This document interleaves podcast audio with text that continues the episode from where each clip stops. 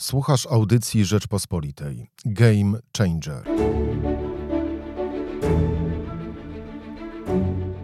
Jak zmieni się polityka Stanów Zjednoczonych wobec Polski?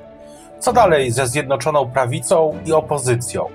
Czy Polskę w tym roku czekają wybory? A jeśli tak, to jakie? O tym wszystkim rozmawiam z europosłem PiS Adamem Bielanem. Na program zaprasza Michał Kolanko.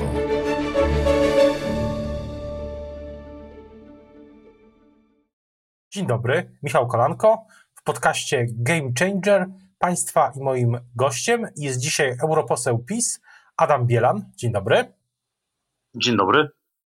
Chciałbym zapytać na początek o Pana pierwsze wrażenia po pierwszych decyzjach też personalnych nowego prezydenta USA Joe Bidena. Co te decyzje, co, ta, co te personalia znaczą Pana zdaniem dla relacji polsko-amerykańskich? No, Joe Biden jako polityk niezwykle e, doświadczony, już od dawna nie mieliśmy mm, w Białym Domu polityka z tak długim stażem e, politycznym, niemal całe swoje dorosłe życie e, spędził w Senacie, przypomnę, później 8 lat był y, wiceprezydentem w administracji Baracka Obamy, mm, y, postawił na, na doświadczenie e, właśnie na, na osób, na osoby z establishmentu partii demokratycznej. Wszyscy wiemy, w jakich okolicznościach prezydent Biden obejmuje swój urząd. Trwa pandemia. W Stanach Zjednoczonych obserwujemy, podobnie jak w Europie, potężne skutki gospodarcze, negatywne skutki gospodarcze i społeczne e, e, pandemii, a przede wszystkim lockdownu, który został wprowadzony. Mm, I to są pierwsze zadania prezydenta Bidena, to znaczy oczekiwania amerykańskiej opinii publicznej są takie, że on przede wszystkim zajmie się porządkowaniem spraw w kraju. W związku z tym, jeśli chodzi o politykę zagraniczną, postawił na ekipę, na ludzi e, sprawdzonych e, w pracy w Białym Domu i w Departamencie Stanu za czasów e, prezydentury Baracka Obamy wraca. No, my oczywiście mamy nadzieję, że politycy Partii Demokratycznej wyciągnęli wnioski z nie najlepszego startu, na pewno dla naszego regionu, ale myślę, dla całej Europy, prezydentury Baracka Obamy. Przypomnę, że on się rozpoczął od resetu w relacjach z Rosją i dopiero końcówka ośmioletnich rządów y, Obamy e, przyniosła znacznie lepsze decyzje. E, na początku mieliśmy e, kasowanie umowy z Polską o mm, budowę mm, tarczy antyrakietowej. Skończyło się na decyzjach szczytu w Warszawie o zwiększeniu obecności amerykańskiej w krajach Europy Środkowo-Wschodniej. Mam nadzieję, że Joe Biden będzie e, e, kontynuował tę politykę z ostatnich e, miesięcy Barack Obamy względem Rosji, mm, a nie z początku tej prezentury. Rozmowa, jedna rzecz, bo pierwsza rozmowa Biden-Putin i z tych relacji, które mamy, wynika, że, że prezydent Biden w rozmowie telefonicznej oczywiście rozmawiał między innymi upomniał się o Nawalnego to chyba dobry sygnał, tak ja to odczytuję.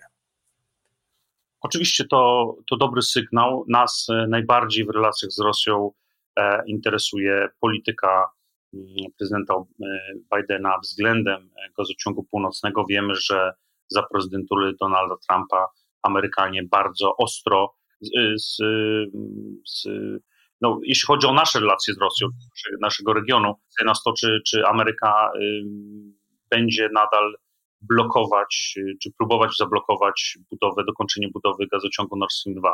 Tutaj są różne opinie. E, w warstwie deklaracji e, prezydent Biden ustami swojej rzeczniczki potwierdził w ubiegłym tygodniu, e, że polityka nowej administracji się nie zmieni. Potwierdził sprzeciw Amerykanów wobec tego gazociągu, który budzi już olbrzymie kontrowersje nie tylko za oceanem, ale teraz również w Europie. Przypomnę rezolucję Parlamentu Europejskiego, za którą y, głosowałem, rezolucję wzywającą do zaprzestania budowy tego gazociągu, choćby w obliczu tego, co co wydarzyło się z Nawalnym, czyli w obliczu kolejnej próby otrucia politycznych przeciwników. Ale czy tak się stanie, zobaczymy. Pewnym zaskoczeniem, myślę, dla bacznych obserwatorów tego, co się dzieje w teamie Bidena, był fakt, że na pierwszego rozmówcę na kontynencie europejskim nie wybrał kanclerz Merkel, a tego się spodziewano. Były nawet analizy wskazujące, że Biden może być najbardziej pro niemieckim prezydentem od czasów Busha seniora od 1992 roku. Na to na pewno liczyli Niemcy, Fundacja Bertelsmanna, inne think tanki niemieckie działające w Waszyngtonie już od wielu miesięcy inwestowały w relacje z nową administracją.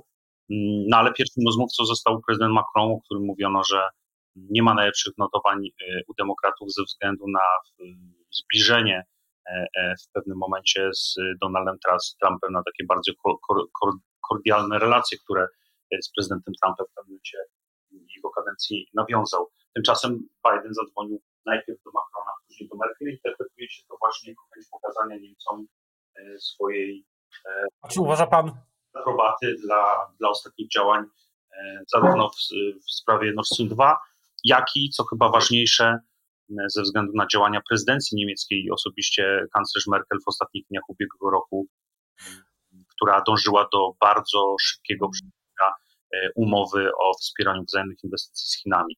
No właśnie, wydaje się, że jeśli chodzi o taki, taki koncept geostrategiczny czy geopolityczny, to mimo tych deklaracji po obydwu stronach Atlantyku między e, Bidenem czy administracją Bidena, a administracją czy, czy a kanclerz Merkel i Niemcami, no to w, właśnie w tych dwóch sprawach, czyli Nord Stream i relacje z Chinami, no, widać bardzo poważne pęknięcia.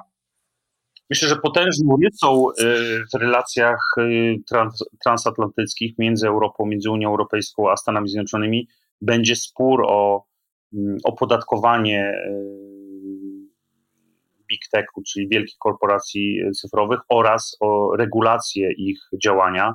E, mm, to drugie jest zawarte w dwóch y, aktach prawnych, nad którymi instytucje unijne rozpoczęły pracę. 15 grudnia e, francuski komisarz mm, e, Thierry Breton zaprezentował Digital Services Act i Digital Markets Act, czyli dwa rozporządzenia, które będą te sprawy regulować. My w Parlamencie Europejskim, między innymi moja Komisja Rynku Wewnętrznego, będziemy się zajmować tym przede wszystkim w tym roku.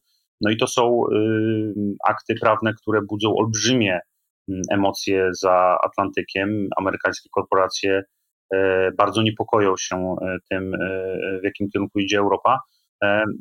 Mówię o tym dlatego, że niezależnie od takiej mm, przyjaznej atmosfery, która, którą możemy obserwować w mediach społecznościowych czy tradycyjnych mediach pomiędzy przywódcami europejskimi a nowym prezydentem Stanów Zjednoczonych, to jednak pozostają różnice, jeśli chodzi o twarde interesy. A też, e, a czy w tym roku, bo mówił Pan o tych dwóch ważnych e, aktach prawnych, ale czy w tym roku myśli Pan, że dojdzie do spotkania mm, e, z Panem doświadczenia, obserwacji też rozmów zapewne, też czy myśli Pan, że dojdzie do spotkania prezydenta Dudy z, z prezydentem Bidenem? Spodziewałby się Pan takiego spotkania choćby na jakimś na marginesie któregoś ze, ze szczytów, jeśli one będą oczywiście organizowane w formie mm, e, na miejscu, że się tak wyrażę. Jest to bardzo możliwe, chociaż pamiętajmy, że mm, wiele y, tego rodzaju spotkań jest e, przekładanych ze względu na mm, COVID.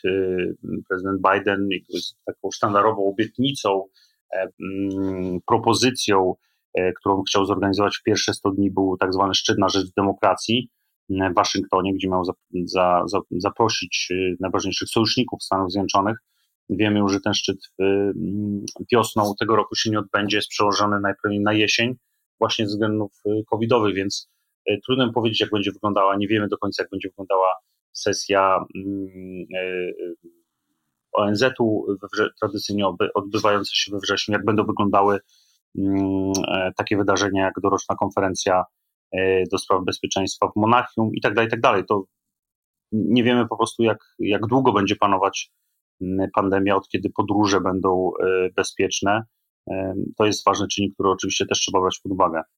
No też, a czy spodziewa się Pan już, kończąc może troszeczkę wątek amerykański, czy spodziewa się Pan, że realnie mm, administracja Bidena będzie inaczej podchodzić do kwestii praworządności w Polsce? Myślę, że administracja e, Bidena ma e, oczywiście znacznie więcej kontaktów z polską e, opozycją, z kilkoma politykami z Polski mm, i sądzę, że może wykonywać gesty pod ich adresem, takie werbalne gesty. Natomiast rola Stanów Zjednoczonych, jeśli chodzi o proces kształtowania prawa, jest znacznie mniejsza w Polsce niż rola Unii Europejskiej, a wiemy, że wpływy polskiej opozycji w Unii Europejskiej są jeszcze większe i to nie przynosi specjalnych efektu, więc nie sądzę, żeby tutaj e, to wpływało jakoś, zaburzało nasze relacje. Mm, brutalna prawda, jeśli chodzi o wpływy Stanów Zjednoczonych, malejące wpływy y, Stanów Zjednoczonych w kontynencie europejskim, jest taka, że Amerykanie mogą liczyć na coraz mniejszą liczbę krajów, a e, w związku z Brexitem straciły swojego największego sojusznika w Unii Europejskiej. Nie sądzę, żeby mądrym E, byłoby ze strony amerykańskiej zrażanie e, Polski. Mówiłem o tym, jak fatalnie przyjęto w Waszyngtonie postawę pani kanclerz Merkel, która w końcówce, dosłownie przed ostatniego dnia ubiegłego roku, forsowała na siłę, nie czekając na zaprzysiężenie nowego prezydenta, umowę o wspieraniu wzajemnych inwestycji pomiędzy Unią Europejską a Chinami. Gdy tę umowę przyjmowano, jedynie polski ambasador wyraził sprzeciw i proponował, żeby poczekać te trzy tygodnie na nową administrację amerykańską i, i postarać się uzgodnić wspólne stanowisko względem Chin. Tego głosu nie uwzględniono, więc y, no, byłoby to z, z, punktu widzenia amerykańskich interesów w regionie, nie tylko w regionie Europy Środkowo-Wschodniej, ale w ogóle w Unii Europejskiej e, posunięcie bardzo ryzykowne, gdyby, mm, gdyby y, Amerykanie y, obniżyli mm, poziom relacji z naszym krajem, e, który w ostatnich latach był najwyższy w historii. Ale też e, przechodząc e, do. Jeszcze jedno w zasadzie pytanie, które mi się nasunęło przy tych naszych naszej rozmowie o samym Joe Bidenie, bo pan powiedział, zauważył pan, i to jest rzeczywiście chyba wyróżniająca cecha Joe Bidena, że on jako prezydent ma chyba ma ogromne doświadczenie polityczne. E, zna mm, też relacje międzynarodowe, był senatorem zajmującym się bardzo wieloma sprawami też międzynarodowymi w czasie zimnej wojny jeszcze. Więc pytanie, czy w tym nowym takim zmieniającym się świecie jest tak, że to, to doświadczenie y, pomaga, czy może paradoksalnie przeszkadza, bo tak duża, tak e, duże doświadczenie polityczne może też być e, w jakimś sensie budować takie schematy, których trudno wyjść po iluś tam e, dziesiątkach już lat. No akurat schematy dotyczące zimnej wojny i stosunków amerykańsko-sowieckich y, z naszego punktu widzenia nie są najgorsze, bo y, to jest ktoś, kto ma pamięć, jeśli chodzi o metody, którymi e, posługiwał się Związek Radziecki, a, a, a które są bardzo podobne niestety do metod Rosji Putina. E, inna sprawa, że. Ale świat się, ale świat się zmienił, nie ma, nie ma dwóch bloków. E. Oczywiście inna sprawa, że Biden w latach 80. należał raczej do krytyków polityki prezydenta Reagana. Natomiast w ostatnich latach zarówno prezydent Biden, jak i większość partii demokratycznej przeszła na pozycje mocno antyrosyjskie. Myślę, że Partia Demokratyczna nie była tak antyrosyjska od czasów Harry'ego Trumana, czyli od lat 50. ubiegłego wieku. E, wynikało to w dużej mierze z powodów wewnętrznych. Demokraci przez 4 lata podważali mandat e, Donalda Trumpa, e, sugerując, że wygrał on w 2016 roku wybory prezydenckie w wyniku jakichś nieczystych działań rosyjskich, że Rosjanie po prostu pomogli w kampanii wyborczej. No i chcąc być konsekwentnymi, demokraci w związku z tym atakowali wpływy rosyjskie i wspierali rozmaite inicjatywy, mm, które te wpływy ograniczały. Z naszego punktu widzenia e, stało się bardzo dobrze, że inicjatywa Trójmorza, bardzo ważna e, dla osobiście dla prezydenta Andrzeja Dudy, powiedzmy akuszerem, e, ale dla naszego kraju i, i myślę dla całego regionu, dzięki temu cieszyła się ponadpartyjnym porozumieniem, zarówno republikanie, jak i demokraci wspierają Trójmorze i myślę, że będą wspierać również pod rządami tej administracji. Pamiętajmy również, że pan oczywiście jako świetny znawca, bitny znawca polityki amerykańskiej doskonale wie, że no, w Stanach Zjednoczonych już niedługo, za kilka, kilkanaście miesięcy rozpocznie się e, kolejna odsłona bardzo brutalnej walki między e, wyborczej między demokratami a republikanami, bo w 2022 w listopadzie będziemy mieć tak zwane midterms, czyli międzywybory, w których będzie się rozstrzygać to, kto będzie kontrolować obie izby kongresu, a szczególnie walka o Senat będzie niezwykle zacięta, bo w tej chwili w Senacie mamy idealny remis 50 do 50 i tylko głos y, y, wiceprezydenta, pani Kamala Harris, który tradycyjnie rozstrzyga wynik głosowania w przypadku remisu, sprawia, że demokraci Senat kontrolują, więc już za chwilę będziemy mieć znowu e, e, bardzo ostrą rywalizację między tymi dwoma blokami. E, myślę, że dla Polski ważne było, żeby te podziały jednak były nieco mniej emocjonalne. Te takie bardzo ostre podziały w Stanach Zjednoczonych ograniczają możliwości, nie wiem, skupienia uwagi choćby polityków na, na kwestiach międzynarodowych. Joe Biden ma olbrzymie doświadczenie w budowaniu ponadpartyjnego porozumienia, bo Senat E, e, jest tą izbą, w której takie mm, ponadpartyjne porozumienia dotyczące poszczególnych aktów prawnych są konieczne. Ale wracając, Za, tak. Wracając do polskiej polityki, mówił Pan o tym, jak wpływ, e, mówił Pan o wpływie, rozmawialiśmy o wpływie pandemii na tę agendę spotkań, w ogóle na, na formaty spotkań międzynarodowych.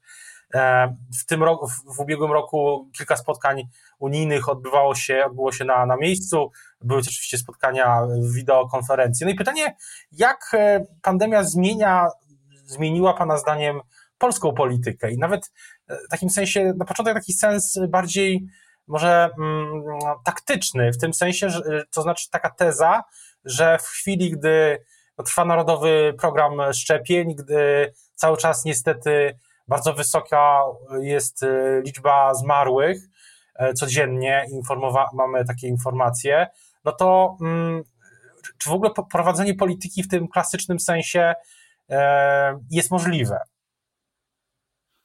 No, wpływ pandemii na politykę y, jest olbrzymi, e, ponieważ pandemia ma olbrzymie znaczenie na, na, na emocje, ma olbrzymi wpływ na emocje ludzi, na ich psychikę, ma olbrzymi wpływ na gospodarkę.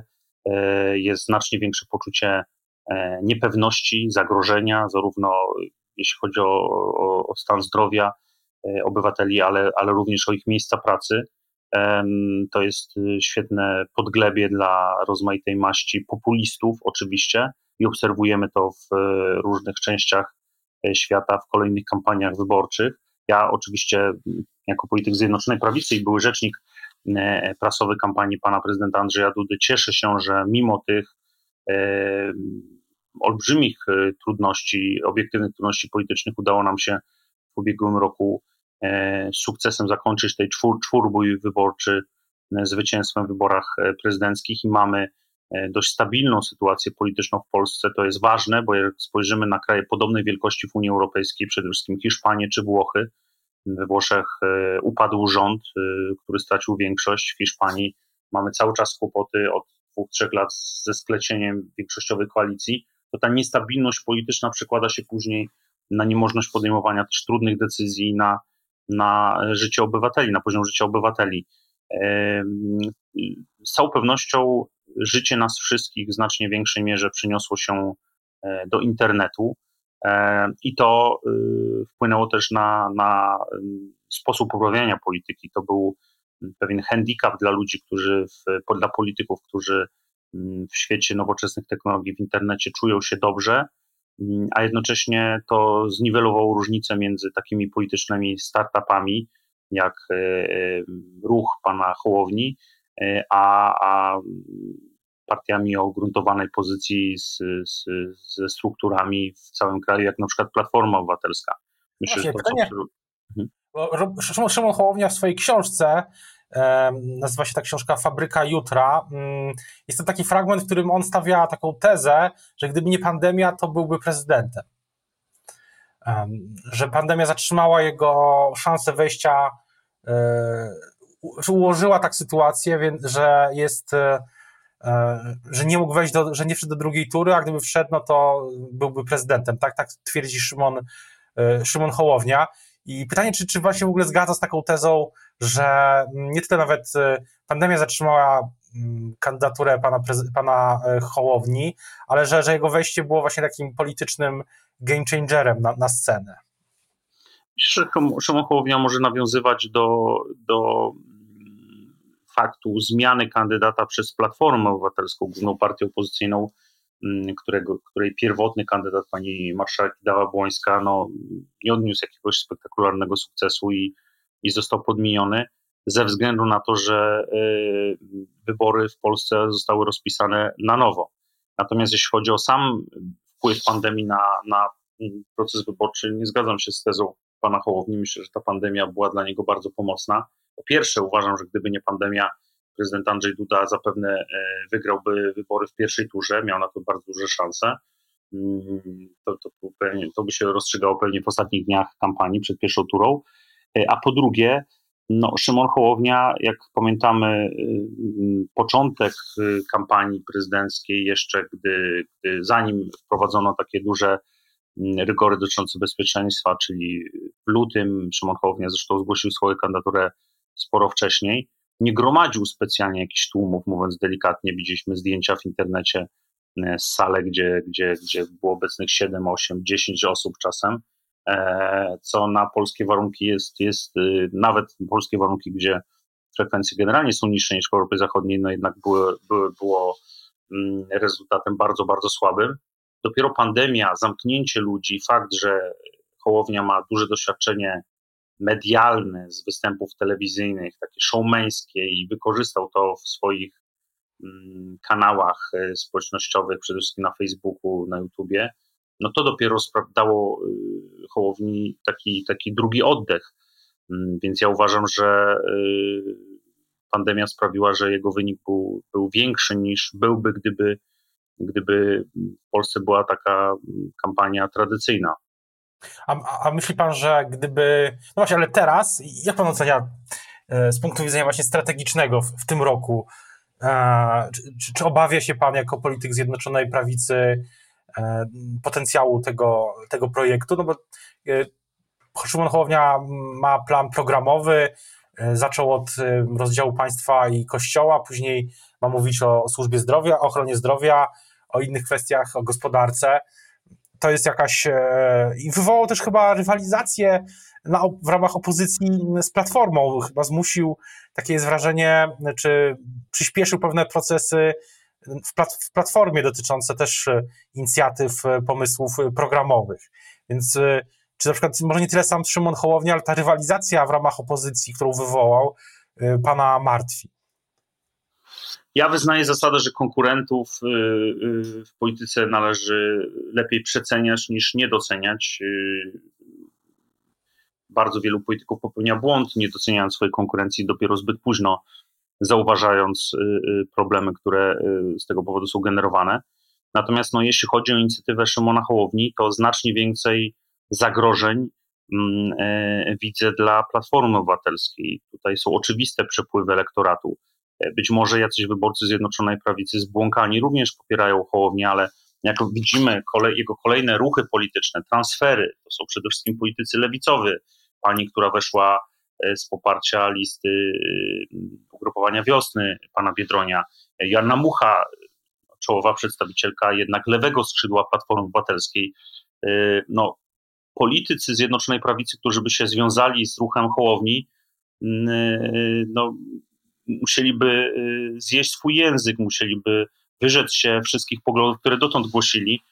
Podobnie chyba jest z wyborcami, więc myślę, że ruch Hołowni będzie jednak znacznie więcej zabierać Platformie Obywatelskiej, chociaż generalnie mm, no, rozmawiamy y, po demonstracjach strajku kobiet, na których y, przedstawiciele, czy nawet lider partii Hołowni, pan Kobosko, mm, e, e, brali udział. No, to są demonstracje jednak pod hasłami liberalizacji ustawy aborcyjnej.